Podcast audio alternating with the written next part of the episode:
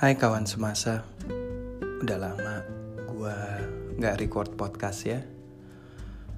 I've been busy with life and the changing that is inevitable. I think ya kalian semua sudah merasakan kan perubahan yang dibawa oleh COVID-19 ini, pandemik ini. Di mana mungkin banyak daripada kita yang stres Banyak daripada kita yang sedih banyak daripada kita yang harus meninggalkan mimpi. Namun pada dasarnya kita harus menjalani sampai kita bisa bertemu matahari kita lagi. Nah, di episode kali ini habis semasa kegagalan, semasa ingin membahas apa sih, bagaimana sih kita meresponi atau menghadapi kegagalan itu. Ya, pastilah dalam kehidupan ini banyak kita yang mulai dari bermimpi. Bermimpi, melihat, mempunyai visi, bahkan tidak banyak atau banyak daripada kita yang memiliki ekspektasi.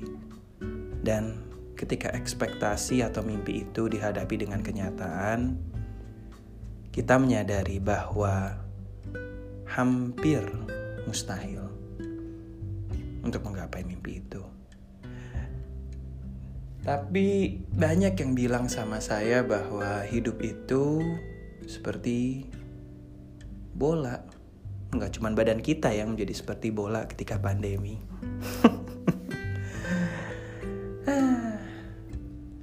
tiga pandemi awal, tiga bulan ketika awal pandemi, badan saya udah kayak bundaran HI. anyway, on the serious side, iya. Kadang hidup itu di atas, kadang hidup itu di bawah, dan kita, the show must go on. As cliche as it sounds, right? And we move on through life. We face things that, you know, we weren't ready. Kita nggak siap gitu menghadapi pandemi ini ya kita sudah memiliki rencana yang kita susun baik, kita sudah memiliki ekspektasi yang sudah hampir tercapai ataupun mimpi yang sudah dalam gapaian kita. Namun ketika pandemi itu datang, perubahan yang masif ataupun yang kita tidak bisa pungkiri dan kita harus hadapi itu terjadi. Nah, dalam menghadapi perubahan ataupun kegagalan dalam menggapai mimpi, manusia memiliki pilihan.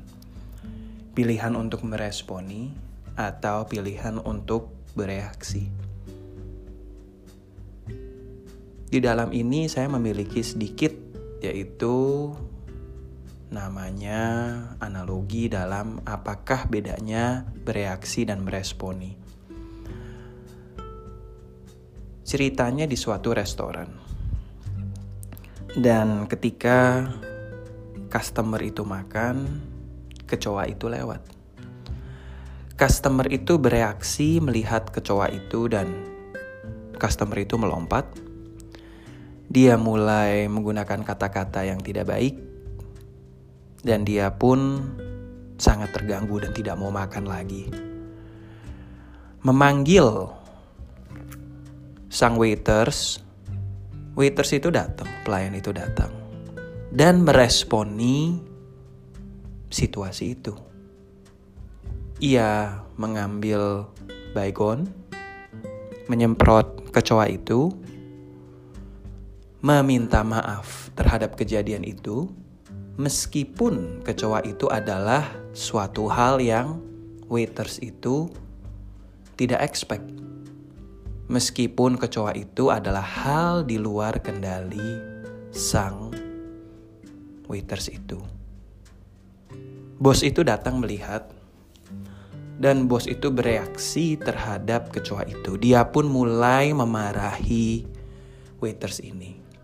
Dia berkata bahwa mengapa engkau tidak membersihkan dengan baik. Lalu waiters ini meresponi bosnya. Ia minta maaf dan ia berkata bahwa dia akan lebih baik lagi dalam membersihkan, meskipun dia sudah melakukan yang terbaik. Jadi, sama seperti pandemik, Sama seperti ketika kita ingin mencari makna hidup ataupun kita ingin berjalan mendekati matahari itu. Banyak hal-hal yang akan menghalangi ataupun kejadian-kejadian yang kita tidak sadari ketika kita ingin menggapai impian itu. Namun kita bisa bereaksi terhadap kegagalan, terhadap situasi yang terjadi ataupun meresponi dan melangkah lebih jauh lagi.